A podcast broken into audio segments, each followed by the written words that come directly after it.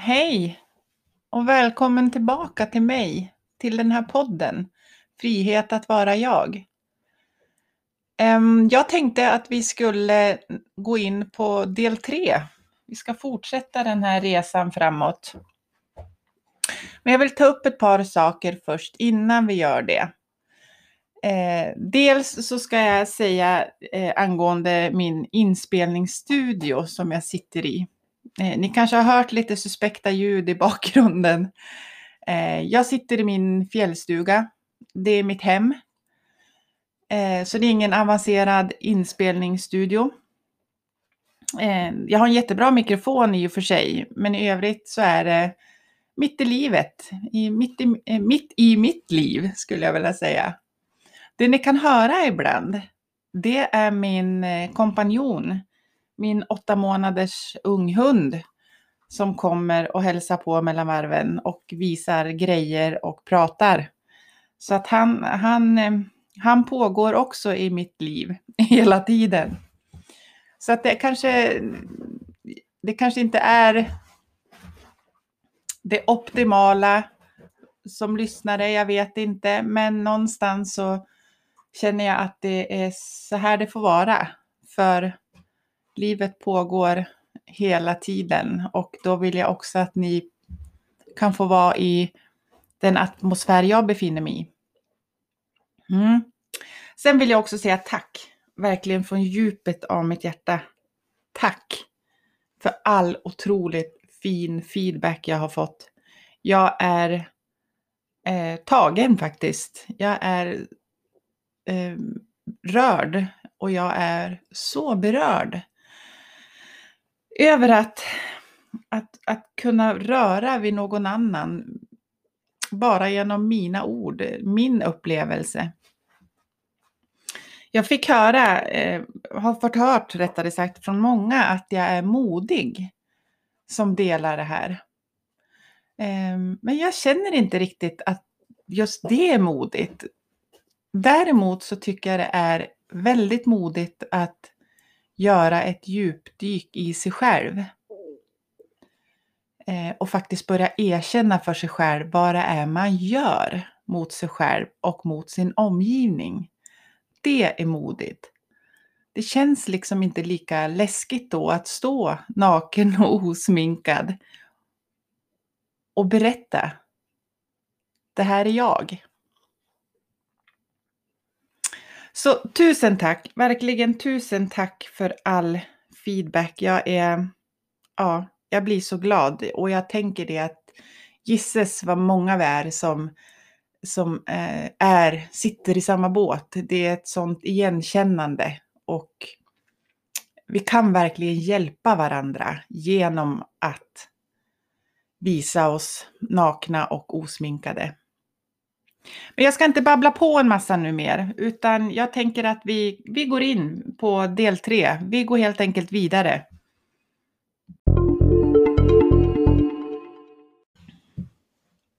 Gå vidare.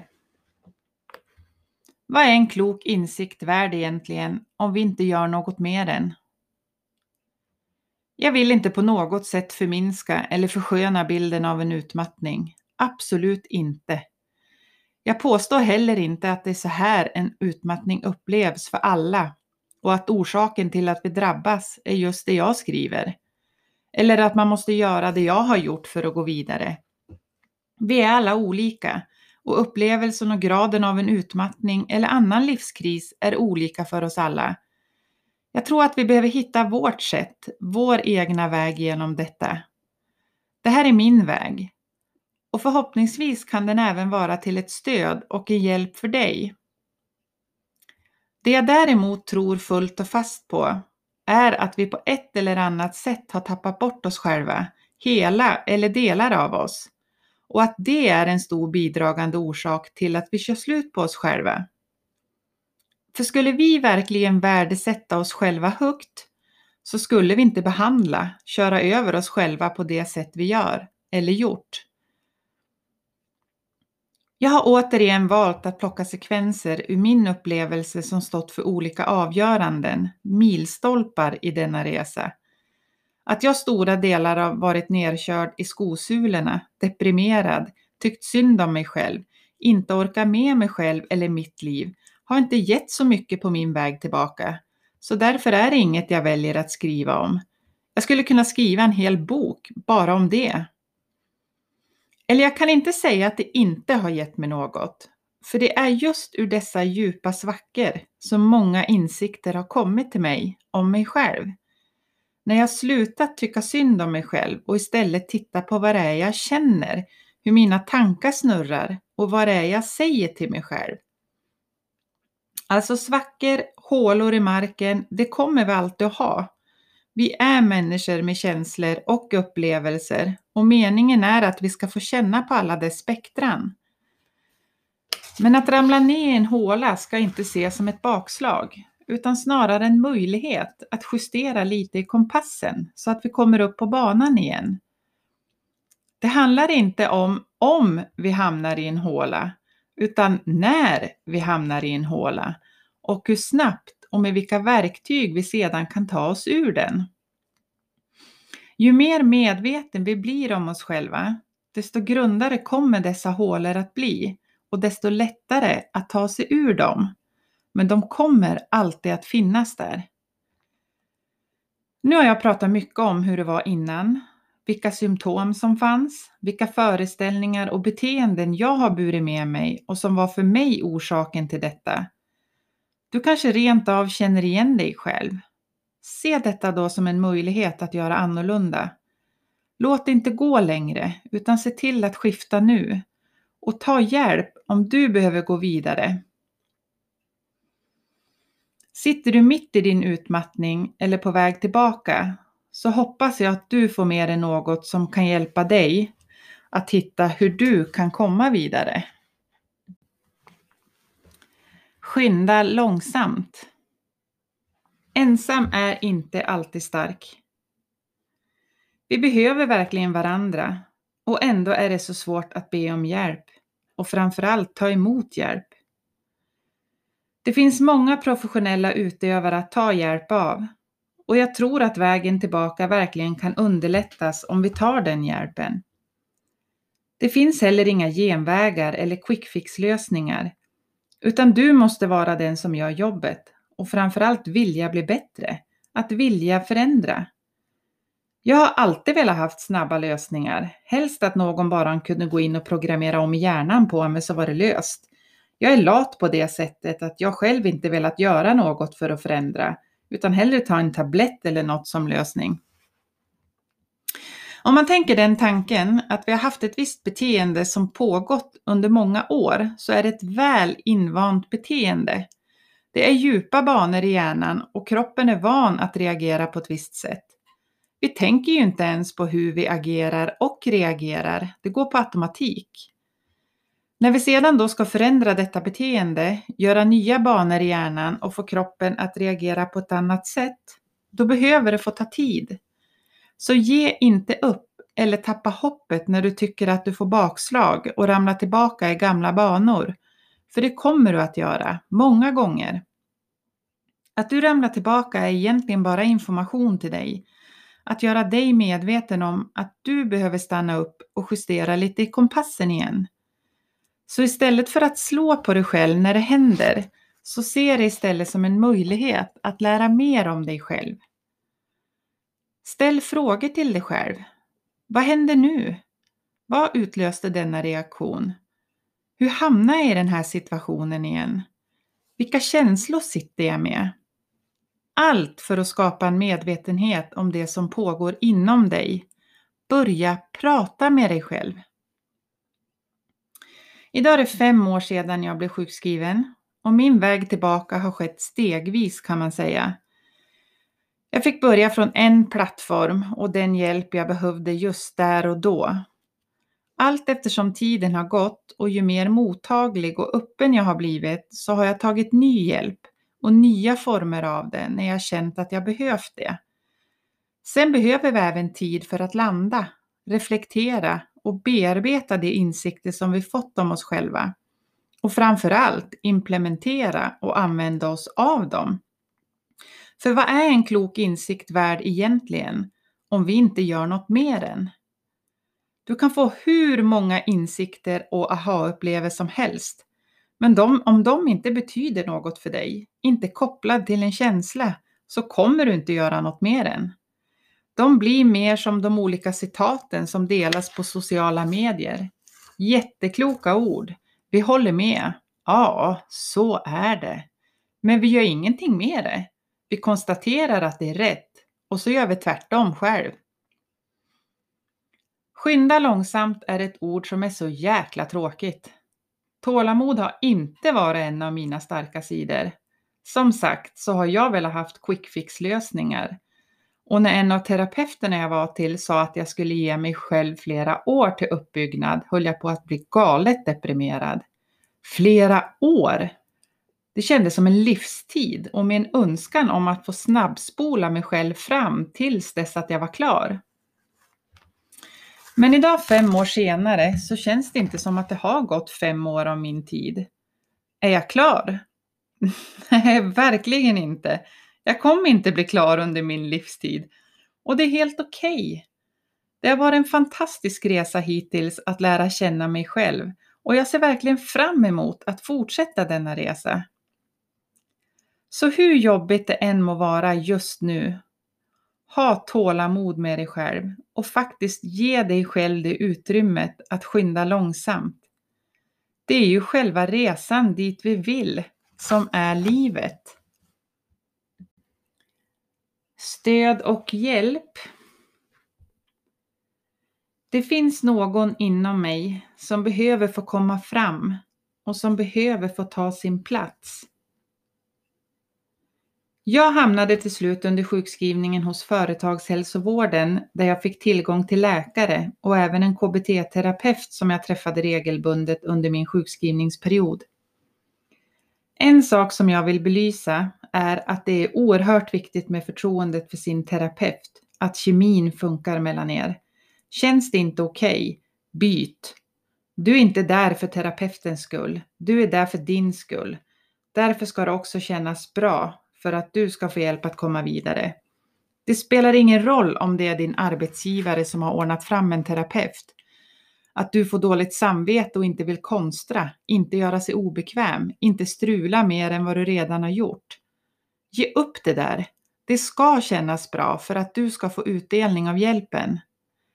Sen är det såklart inte roligt alla gånger att titta på sig själv och sina beteenden. Men det är något annat. Det handlar inte om terapeuten.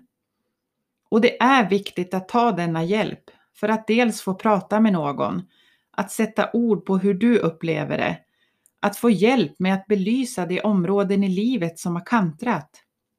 Att få hjälp att se beteenden, situationer ur andra synvinklar. Vår egna vy är oftast starkt begränsad. Och för Guds skull, gör inte som mig. Försöka vara duktig och försköna din situation och dig själv. Det är du inte hjälpt av, utan kavla upp byken bara. När jag ändå nu har möjligheten så vill jag passa på att verkligen tacka min beteendeterapeut Eva Olofsson från djupet av mitt hjärta. Du kunde inte bli mer rätt för mig. Du är en milstolpe i mitt liv, en viktig vägledare framåt och för det är jag evigt tacksam.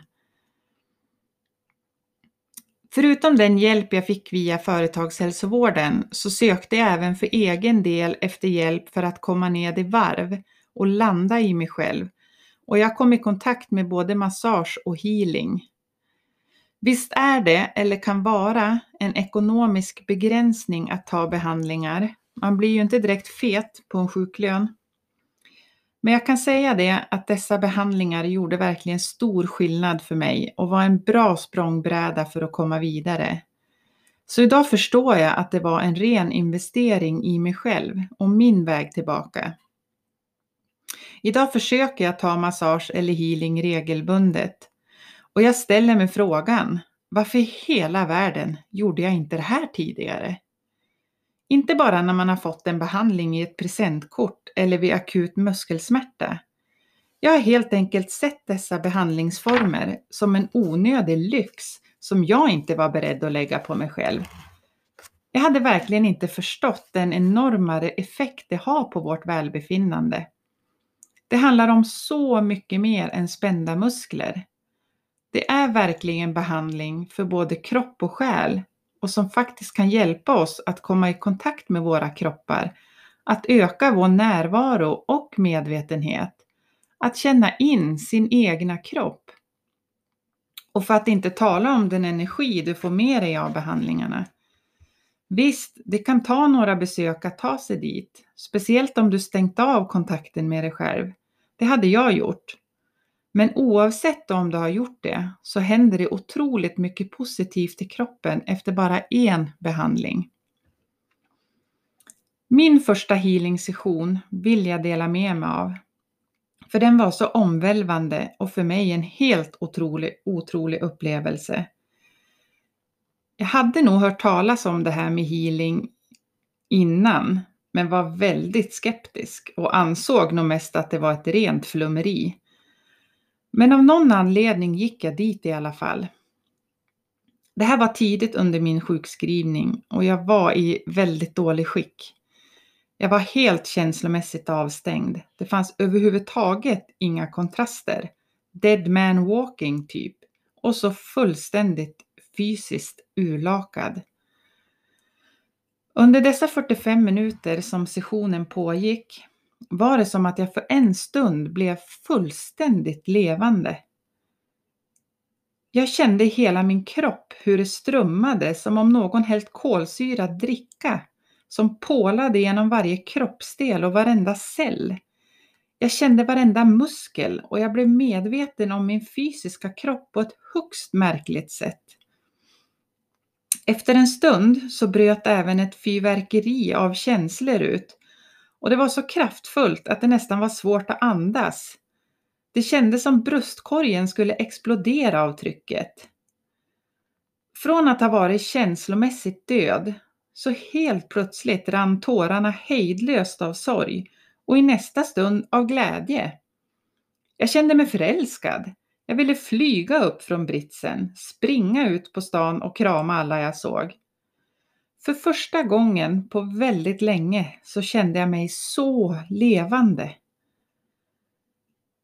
Nu var det ju så att denna upplevelse försvann i och med att behandlingen var klar, så jag gick på många, nej, jag gick på några till för att få tillbaka den känslan och den förnimmelsen av hur min kropp känns. Och även om de nästkommande sessionerna inte ens var i närheten av den första, så väcktes något upp inom mig som legat avstängt och som längre fram skulle visa sig vara ännu ett viktigt skifte för mig. Jag tror jag kan säga att detta var ytterligare ett tillfälle då jag kände en stark tilltro till att det kommer att bli bättre. Och framför allt, det finns någon inom mig som behöver få komma fram och som behöver få ta sin plats. Sofia Harjunen, du är en jordängel som tryggt och kärleksfullt visade mig vägen framåt. Tack för att du gjorde skillnad i mitt liv. Jag vill även lyfta fram den alternativa terapiformen hypnos. Den har jag jobbat med under de senare åren. För min del så var det först då jag var redo att dyka ner lite djupare i känslomässigare spärrar. Som jag tidigare skrev så har denna utveckling skett stegvis. Det är lite som att skala en lök, lager för lager. Och för varje lager så har jag ställts inför något nytt. Mycket av det har jag kunnat hantera själv. Men vissa lager har varit lite tuffare. Och nu under det år som gått så har jag stått inför en utmaning som jag inte lyckats ta mig igenom på egen hand. Jag har inte förstått hur djupt det känslomässiga såret har suttit och hur det har påverkat mig. Jag har en vän som är en helt fenomenal hypnoterapeut och jag har pratat en del med henne om detta, vilket då blev naturligt att vi även gjorde några sessioner. Eh, och det jag verkligen vill komma fram till är att vi ska inte underskatta laddningen i de känslor som ligger i gamla minnen eller gamla trauman och hur dessa verkligen styr oss idag undermedvetet om vi inte gör något åt dem och tar hand om dem. Jag kommer inte gå in i denna session och skriva om det traumat. Det är alldeles för personligt och det är även kopplat till andra personer. Men det jag behövde ta hand om mig själv eh, har påverkat hela mitt liv och det val jag har gjort framåt. Jag är övertygad om att detta varit en del av mitt sätt att vara och mina tidigare beteendemönster som till slut drev mig ur kurs. Jag blev någon jag inte var och jag valde vägar som inte var mina. Då förstår ni kanske hur mycket som vi faktiskt påverkar av det som varit. Känslomässiga sår som inte fått läka. Det finns så mycket mer att välja på och mycket som du kan använda dig av hemma för egen del. Meditation eller mindfulness, avslappnings och andningsövningar eller vilket som som passar just bra för dig. Känn dig fram. Ge dig själv chansen att prova något nytt, ett hjälpmedel. Det kanske är precis det du behöver för att kunna ta dig själv ett steg till framåt. Jag vill verkligen lyfta fram dessa behandlingsformer som en viktig del i en rehabiliteringsplan. Tyvärr så är det många som inte kan ta behandlingar på grund av ekonomiska begränsningar. Men att göra detta som en del av företagshälsovården där då företaget betalar för behandlingarna, det kommer även företaget att vinna på. Att snabbare få tillbaka sina anställda. Eller att erbjuda detta till sina anställda i förebyggande syfte. Och det finns så mycket mer att välja mellan. Så otroligt mycket duktiga och professionella terapeuter där ute. Att ta stöd ifrån sin familj och vänner är också viktigt för återhämtningen. Det är svårt för dem som står vid sidan av den som är sjuk. Det är en sjukdom som är svår att ta på och svår att förklara för den som själv inte har gått igenom det. Det viktiga är egentligen inte att ni förstår, utan istället ger ett utrymme, en acceptans för att saker och ting inte fungerar som de brukar. Att vara ett stöd utan att sopa mattan framför. Rörelse. Det stående receptet nu idag från läkare vid psykisk ohälsa är någon form av rörelse och motion. Och jag förstår verkligen varför. Det funkar. Att vara i rörelse ute i naturen är den bästa medicinen för återhämtning både för kropp, sinne och själ. Men som jag skrivit tidigare så är det viktigt att lyssna på kroppen och göra i den takt man orkar med. Men se till att dagligen ta dig ut på små rundor. Det är jätteviktigt. Om det bara är så för att bege dig ut på att sätta dig på en stubbe någonstans i skogen eller vid en vacker utsiktsplats eller vid vatten eller i en park. Utsikter, fjäll, vatten och öppna vyer har varit stor hjälp för mig. Jag har spenderat många timmar bara genom att sitta och iaktta dessa och det ger mig en känsla av frihet, en lätthet inom mig och att vara en del av något större. Kanske du kan hitta ditt ställe där du finner den här känslan inom dig. Den är viktig. Den är livsenergi. Dans och musik kan också vara otroligt läkande och det är något som jag använt mig av och använder mycket, mycket av idag. Att släppa på prestationer och begränsningar och få släppa känslor fria. Att få uttrycka dem via rörelser och framförallt för att bygga upp energi. Jag kan säga det att jag har släppt loss en hel del bland granar och kottar när jag och hunden varit ute på promenader. Det tog ett tag innan jag var där och fann glädjen i det, men den typen av rörelse har hjälpt mig mycket framåt under fortsatt återhämtning. Gillar du att jogga och du känner att den fysiska kroppen orkar med det? Jogga! Men lämna tid, hastighet, sträcka hemma. Bara ut för att du tycker om att göra det, helt utan prestation. Eller ta fram cykeln för en tur. Jag har en vän som älskar att cykla. För henne är det en stor frihet att ta sig fram på sin cykel. känna vinddraget i ansiktet och rörelsen framåt, där hon inte behöver anstränga sig så mycket för att ha cykeln i rörelse. Nu snackar vi inte tävlingscykelracing här, utan mer för njutningens skull. Oavsett vilken form av rörelse du väljer, det finns en uppsjö av alternativ, så se till att välja och framförallt att välja något så att du kommer ut.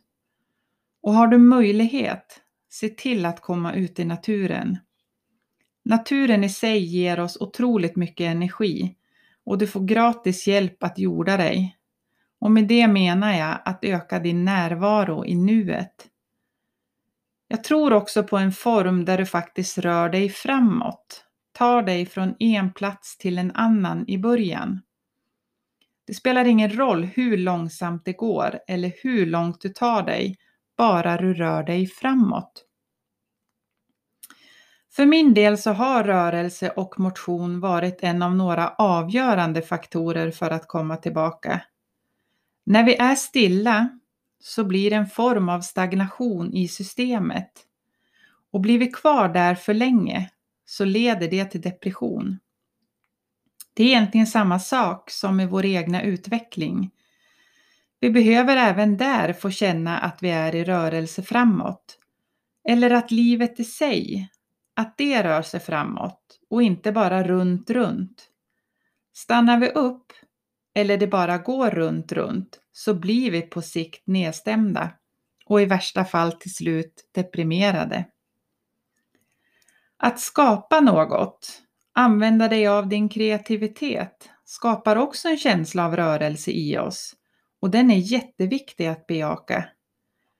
Men jag tror som så att hämta tillbaka sin kreativitet underlättas om vi börjar med att sätta vår fysiska kropp i rörelse först. Jag går än idag på promenader i skogen varje dag. Dels har jag min hund som behöver det och det har verkligen blivit viktigt för mig att behålla balansen i livet för mitt egna välmående. Det är även otroligt skönt att bege sig ut när livet hopar sig som det gör ibland. Att få rensa i röran, släppa taget och se situationen utifrån ett annat perspektiv.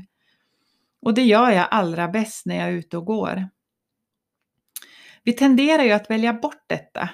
Prioritera bort rörelsen och motionen när det snurrar på, är mycket, är stressigt. Men det är just då den är som allra viktigast och verkligen kan vara avgörande om vi ska orka med eller inte.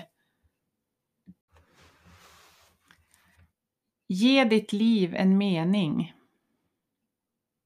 Det är de små sakerna i livet som utgör det stora. Du är trots allt vid liv och bara det är en anledning i sig att kliva upp ur sängen på morgonen. Vi människor är kreativa och skapande varelser och vi behöver få uttrycka detta på ett eller annat sätt. Vi har även behov av att utvecklas och att få vara i rörelse. Och rörelsen i sig behöver inte vara en fysisk rörelse, utan denna kan vi även uppleva när vi skapar något. Hitta de små gyllene kornen i ditt liv som du kan lära dig att njuta av och faktiskt vara tacksam över att du har. Känna tacksamhet är en väldigt stark känsla och bara den känslan i sig påverkar dig i en positiv riktning. Vad har du i livet idag som du kan känna tacksamhet över? Jag lärde mig verkligen att uppskatta mina promenader och framförallt de vackra vyerna som följde med dessa. Ju mer tacksamhet jag kände att få vara just där och då, desto mer fylldes mitt hjärta med värme. En inre frid, ett inre lugn spred sig successivt genom hela min kropp. Som att bli upptinad inifrån och ut. Det här var inte något jag behövde uppfinna. Det fanns redan i mitt liv sedan tidigare. Jag hade full access till dessa vyer dagligen. Helt gratis. Men jag har aldrig uppmärksammat dem tidigare, för jag rusar hela tiden förbi fullt upptagen med det som pågick i huvudet och i det, och i det liv jag skapat. Att sitta med en kopp kaffe i lugn och ro i favoritfåtöljen eller ute på farstun i morgonsolen är en liten insats som ger mig sån stor njutning. Även fast jag jobbar idag så försöker jag ge mig den tiden att sitta där en stund. Bara låta morgonsolen smeka min hud. Ibland stannar jag till på ett café på väg till jobbet och tar en kaffe där helt för mig själv. En guldkant i livet som jag verkligen uppskattar och som jag aldrig gav till mig själv tidigare. Har du barn? Bara iaktta dem med nyfikenhet. Se vad de gör, hur de gör det. Kolla på deras mimik, deras kroppsspråk och uttryck. Det är så mycket vi kan fånga upp där om det ibland är svårt för dem att sätta ord på det som pågår inom dem. Lyssna på vad de säger till dig. Det är så berikande för att få ha sina barn nära och även med det en enorm tacksamhet. Det är så mycket surr och grus i vardagen som gör att vi inte hinner med att njuta av det mest värdefullaste vi har. Om du har svårt att hitta guldkorn i ditt liv, tänk tillbaka på vad du, vad du har gjort. Finns det något där du kan vara tacksam över? Har du mat på bordet? Tak över huvudet? Det är väl verkligen något att vara tacksam över? Om du skulle bli fråntagen allt i ditt liv idag, du skulle verkligen bli av med allt. Vad skulle du sakna? Det är dina guldkorn att känna tacksamhet för. Hitta dina guldkorn och låt dem fylla ditt innersta, värma upp dig inifrån och ut. Varje kväll när jag går och lägger mig så tänker jag på de saker, situationer, människor som jag är tacksam över att få ha i mitt liv. Detta började jag med när jag var sjukskriven och fortsätter med än idag. Och varje gång jag gör det så somnar jag med en otroligt varm och skön känsla i kroppen. Använd dina händer för att skapa något. Plantera om blommor, färglägg mandala, måla, sticka, dreja, lägg pussel eller gör smycken. Det här är bara några exempel. Jag har aldrig tidigare varit pysslame. Jag har inte haft ro att sitta still. Jag har inte haft ron i kroppen att pilla med saker. Jag kunde inte ens se framför mig hur saker och ting skulle se ut. Jag har nog gått och intalat mig att jag inte har något kreativt uttryck. Ingen längtan eller behov av att skapa. Men herregud så fel jag haft. Det fanns och det finns ett enormt behov. Behovet av att skapa gjorde att jag dels använde mig av lättare trädgårdsarbete som terapi, men jag började även göra kakfat. Gamla, vackra, udda och bortstötta porslinstallrikar som jag fann på olika loppisar och som jag borrade hål i och satte ihop med varandra med hjälp av färdiga stativ så att det blev kakfat i tre våningar. Efter det började jag även tillverka smycken, små skyddsänglar att hänga på en halskedja eller en nyckelknippa. Dels var det väldigt avkopplande att sitta med det, stilla tankarna, fokusera på en sak och enbart med en närvaro i det jag gjorde. Och dels för en enormt euforiska känsla att det blev något av det jag gjorde, ett resultat av det jag skapade.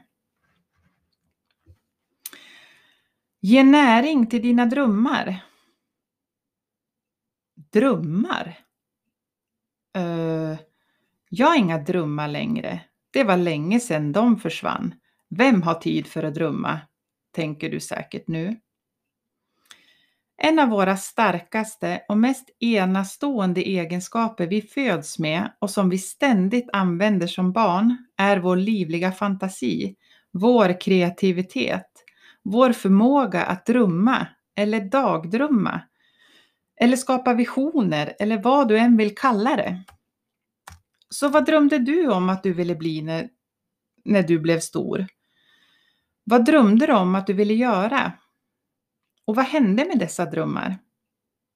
Varför slutar du kanske att drömma och släckte en viktig förmåga hos dig att skapa ett liv som du vill leva? Våra drömmar och visioner är en viktig del hos oss som ger vårt liv en större mening. Men det är också viktigt att se till att förverkliga i alla fall några av dessa drömmar. Så jag står här, lyfter min hand upp på din skuldra, föser dig varsamt framåt och uppmuntrar dig till att börja dagdrömma igen. Du får kalla det trams och bortkastad tid. Men jag lovar dig, det händer massor med dig när du släpper denna kraft fri. Om det inte fanns några som helst begränsningar, allt är möjligt. Vad skulle du vilja göra då? Och hur skulle du vilja leva ditt liv? Hur skulle det se ut? Ta in den. Låt denna frågeställning sväva runt i dig. Känn på den och låt den få vakna till liv inom dig. Ha ett litet antecknings, en liten anteckningsbok med dig. Skriv ner dina svar. Fyll på. Skriv om. Lägg till. Ta bort. Låt det vara levande. Vi kommer tillbaka till dessa drömmar längre fram och kraften i dem. Jag trodde inte det fanns andra sätt att leva på tidigare. Det fanns inte det utrymmet i mina referen referensramar inom mina skygglappar. Den helveteskarusell jag åkte i. Så såg livet ut och så skulle det se ut tills jag blev pensionär. Eller i alla fall tills barnen blev stora och flyttade hemifrån. Jag hade verkligen ingen aning om den möjlighet jag själv hade att påverka mitt liv och hur jag ville att det skulle se ut.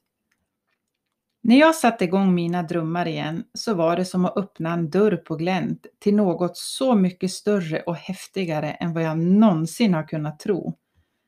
Det gav mitt liv en helt ny mening och en vilja att fortsätta framåt. Ja, men jag kan inte dagdrömma, jag har inte den förmågan längre. Skitsnack säger jag. De flesta av oss redan är oerhört duktiga på att skapa kaos. Att dagdrömma mardrömmar helt enkelt. Vi plockar upp smärtsamma minnen som vi låter gå på repeat som en hackig vinylskiva. Eller vi skapar skräckscenarion scenarion som vi inte vill ska hända i framtiden. Katastroftankar. Hallå! Vi använder ju denna skapande förmåga redan här och nu. Och tyvärr så är det så att dessa negativa tankar, minnen, bilder, vad det nu än är för skit vi plockar fram, så kommer vi att få dessa resultat framåt. För du kommer att tro på dem och få dig att, att agera på ett sätt som gör att det kommer att inträffa. Det du inte vill ska hända kommer alltså med största sannolikhet att hända. Det är lagen om attraktion. Så när vi ändå använder oss av denna skapande process, så varför inte använda den till att skapa det vi faktiskt vill ska hända? Svårare än så är det inte. Jo, det är faktiskt ganska så svårt eftersom det negativa är så pass starkt hos oss. Men det går. Det är faktiskt fullt möjligt. Jag vet. Jag har gjort det och gör det själv och gör och ser även andra göra det. Men jag ber dig att ha tålamod med processen, att ha tålamod med dig själv. Låt det ta tid. Så vad finns i ditt liv idag som du verkligen uppskattar och som du är tacksam över? Vilka är dina guldkorn? Vad drömmer du om? Hur skulle du vilja att ditt liv såg ut? Och vad är anledningen? Eller vad har du för ursäkter till att det inte ser ut så? Ärrad av stressen. Idag är det som sagt fem år sedan jag blev sjukskriven med diagnosen utmattningsdepression. Jag har kommit långt med mig själv och jag mår väldigt bra idag. Inte varje dag, men det är helt klart betydligt fler ljusa dagar än gråa. Jag är så innerligt tacksam att ha fått erfarit dessa år. Det har verkligen hjälpt mig att bli en bättre version av mig själv. Och den största vinsten är att jag faktiskt har börjat finna den jag är och vilar tryggt i att jag är tillräcklig. Självklart så är jag inte färdig och självklart får jag dagligen jobba med mig själv, med mina rädslor, med vågor av, vågor av skuld och skam som väller över mig ibland. Visst kör jag fortfarande på hårt, för hårt periodvis så att kroppen får signalera. Och för att inte tala om när jag går in i den negativa stressspiralen, då är jag inte kul. Eller när rastlösheten slår till och jag blir galen för att inget händer. Det bara kryper i hela mig. Men jag lär mig något nytt om mig själv för varje gång det händer och för varje dag som går. Jag tror inte vi kan gå igenom livet utan att ha downperioder, utan det är snarare frågan om när det händer och hur vi, och hur vi gör för att ta oss upp ur dem igen. Nu låter det säkert som att jag hanterar allt jag ställs inför väldigt klokt och medvetet. Och så är det såklart inte. Jag ger mig in i draman ibland och förstorar upp problemen mer än vad det egentligen är. Jag blir också jäkligt frustrerad och less och vill ingenting och tänker men vad i helvete, nu är jag här igen. Vad fan kan det inte bara få vara lättare någon gång? Och så tycker jag lite synd om mig själv och geggar runt lite.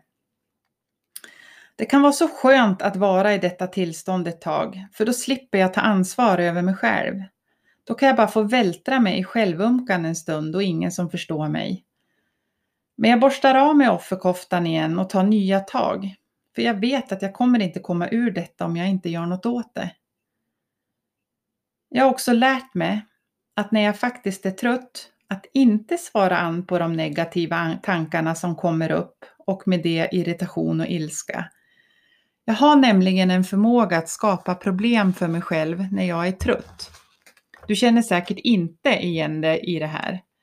Men jag ser helt plötsligt allt som inte är gjort. Eller hur stökigt det är hemma. Eller jag blir irriterad på andra människor för att de inte gör det de borde. Jag försöker verkligen att tänka på att inte gå in i någon konflikt i det här tillståndet längre. För det leder bara till att jag blir ännu tröttare. Samt att jag får aldrig några positiva resultat då. Är jag trött så försöker jag ge mig en stunds återhämtning istället först. För det kanske är just det jag behöver. Bara att få stilla huvudet en stund. Att ha levt under negativ stressinverkan under många år och överbelastning av hjärnkontoret sätter sina spår och det lämnar helt klart sina biverkningar. Bestående hjärnskador är tydligen inte ovanligt att du får med dig. Jag hör många runt omkring mig som har gått igenom en utmattning att det är ledsen över att det inte är som förut. Att det inte orkar med på samma sätt som förut. Att det inte längre är samma, samma person som förut. Samma fysiska person är du. Men varför eftersträva att bli densamma? På något sätt så gjorde du val och tog beslut och uppenbarligen levde efter en strategi som tog koll på det. Se dig själv istället med nya ögon och en, pers en person du faktiskt kan komma att bli som gör hälsosammare val och tar klokare beslut och som lever efter en strategi där du har huvudrollen, där du är viktig. Jag ser inte mina ärr som något negativt eller som något begränsande, utan helt enkelt nya förutsättningar för mig. Fantastiskt nog så hjälper det mig att klara av saker på ett sätt där jag kan behålla glädjen och närvaron i det jag gör. Inte alltid, men många gånger. Att inte kunna skriva mitt CV längre att jag är stresstålig bekommer mig inte. Jag uppskattar istället mitt system som numera är finkalibrerat till att signalera i god tid. Att visa mig när jag är på väg åt fel håll. Jag har väldigt svårt när det blir för mycket runt omkring mig. Mycket som ska göras, planeras, ordnas eller liknande. Det blir kaos om jag försöker hålla dessa saker i huvudet. Jag behöver få ner det på papper för att få struktur på det som ska göras. När det enbart ligger kvar i huvudet klarar jag inte av att sortera ut och bearbeta informationen. Och det skapar en stress inom mig som gör att jag förstorar upp allt och blir rädd att missa något. Vilket också bidrar till att hjärnan får jobba ännu hårdare och som bygger upp ännu mer stress inombords. När jag istället skriver ner det på papper så frigör jag utrymmet i hjärnan. Det är som att jag plockar informationen från hjärnan och sätter det på papper istället och så får hjärnan vila. Det visar sig många gånger att det egentligen inte är så mycket. Eller i alla fall inte så tidskrävande, det som jag ska göra när jag ser det på pappret. Samt att det även ger mig en möjlighet att kolla av om jag verkligen behöver göra allt detta. Eller om jag kan fördela ut det på andra. Eller be om hjälp. Eller kanske rent av prioritera bort, för det inte är så viktigt. Jag fixar inte alls att hålla många bollar i luften. Inte på det sätt att jag driver igång flera saker samtidigt så jag inte mäktar med att slutföra. Jag behöver hålla mig fokuserad på en sak i taget. Se till att ha ett start och ett slut på varje del och en avgränsning. Då kan jag starta upp ett projekt, få igång det, starta upp ett till och så vidare och sedan gå tillbaka och slutföra del för del. Att bli ryckt hit och dit fungerar inte. Det skapar enbart en splittring inombords hos mig och det är heller inget jag längre eftersträvar. För med facit i hand så går det inget fortare för mig att dutta lite här och dutta lite där. Tvärtom. Jag har ett minne som Doris i Hitta Nemo, speciellt när jag är under press och stora delar av minnen bakåt i tiden är helt borta. Min egna tolkning är att gammal information har antingen bränts bort eller skrivits över av ny information för att hjärnan har varit fullbelastad. Jag är väldigt känslig för ljud och har svårt att ta in information om flera försöker prata med mig samtidigt. Om det spelas musik, några pratar i en del av rummet samtidigt som någon pratar med mig så blir det för mycket. Om jag sitter upptagen med något och till exempel min dotter vill prata med mig så behöver jag släppa det jag gör för att fokusera på det hon säger till mig. Jag kan inte fortsätta med det jag gör och samtidigt höra vad hon säger. Jag trodde nog att jag kunde det förut, men idag förstår jag att det var inte så. Jag var inte närvarande till det hon sa. Men för att jag verkligen ska kunna lyssna så behöver hon ha min fulla uppmärksamhet. Jag behöver se henne för att höra henne. Och det har även hon lärt sig. Det är ingen mening att prata till mig om jag inte är fokuserad på henne. Jag är väldigt känslig för ljud från telefoner, inkommande mejl, sms och notiser från sociala medier med mera. Ni vet allt som kan plinga i telefon. Jag har fått stänga av dessa så jag själv går in och hämtar eller kollar när jag vill det. Och jag har ofta telefonen på ljudlöst. Det drar ihop sig i magen än idag, även om det inte är min telefon som låter. Detta börjar bli mycket bättre. Och mina reaktioner som är stressreaktioner är inte alls av samma kaliber som tidigare. Men jag väljer att inte utsätta mig för detta i för stora doser. Jag behöver inte vara tillgänglig dygnet runt för andra. Det här är inte en svit från utmattningen, men under min rehabilitering så valde jag bort att kolla eller lyssna på nyheter, läsa nyhetstidningar med mera. Av den anledningen att jag kände mig lite som ett öppet sår. Allt kom så otroligt nära mig. Allt det negativa och alla tråkigheter vi matas med från dessa medier gjorde att jag slukade den informationen. Jag oroade mig, jag led, jag blev ledsen över allt tråkigt som hände i världen med den energin i mitt system så var det tuffare att hitta tillbaka till mig själv. Jag valde att enbart fokusera på bra saker, för det finns otroligt mycket bra händelser och goda gärningar som görs i världen också. Men det är betydligt färre sådana som vi får ta del av på nyheterna. Jag har stort behov av egen tid eller eget utrymme och att då många gånger att få vara i tystnad eller göra saker som ger mig energi och glädje. Ibland kan jag nog uppfattas som osocial då jag prioriterar mig själv före umgänge med andra. Men det är jätteviktigt att jag ger mig själv det utrymmet. Jag behöver inte alls mycket tid och jag märker att när jag har gett mig det utrymmet så finns jag där för andra på ett helt annat sätt, i närvaro. Jag mår inte bra av en fullsmetad kalender där allt finns planerat för mig varje dag och varje ledighet vad jag ska göra. Tidigare var jag en mästare på att planera allt in i minsta detalj. Lite som Sickan i Jönssonligan. Jag har en plan. Jag var även väldigt tidseffektiv för att få plats med så mycket som möjligt. Det går inte idag. Jag trivs inte med det. Jag uppskattar däremot luckor i kalendern som inbjuder till att få göra det som faller mig in. Eller luckor i ledigheten som inbjuder till spontana nöjen med familjen. Eller bara vara. Att få freestyla lite är jäkligt skönt rent ut sagt och det skulle jag aldrig ha sagt för några år sedan. Verkligen inte! Tomma luckor är dödtid som ska fyllas ut med något produktivt. Allt det här kan man välja att se som en begränsning och som jag skrev som titel att ha fått skador av stressen, ärrad.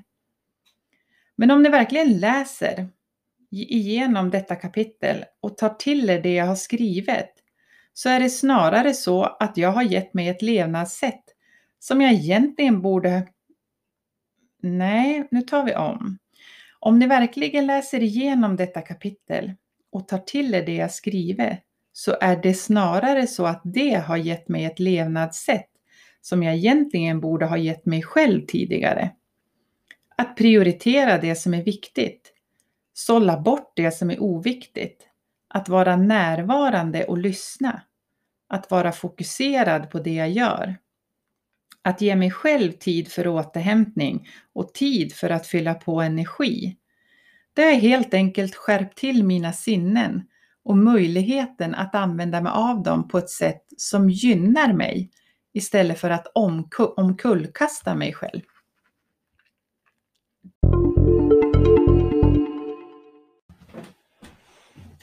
Tack för att just du har lyssnat till denna del. Eh, jag hoppas att du fick med dig något av värde och något som du kan använda dig utav. Ehm, det vart lite långt det här avsnittet. Eh, jag ska försöka hålla dem lite kortare framåt. Eh, det var bara så svårt att dela det här på ett bra sätt. Ehm, jag vill också lyfta än en gång att dela gärna dina tankar, funderingar, inputs, frågor. Skicka dem till mig. Jag tänker det att jag skulle så gärna vilja ta upp detta i ett kommande avsnitt. Vi är liksom inte så unika på det sättet att vi inte delar samma problem. För det gör vi i mångt och mycket. Och just dina frågor, dina reflektioner kan vara en enorm hjälp och stöd för någon annan. Och även för mig. Så skicka på, skicka på bara. Eh, min mejladress är info camillanj.com Finns även kontaktuppgifter till mig på www camillanj.com. Ta hand om dig och på um, återhörande eller återseende. Det kommer komma fler avsnitt. Hej då!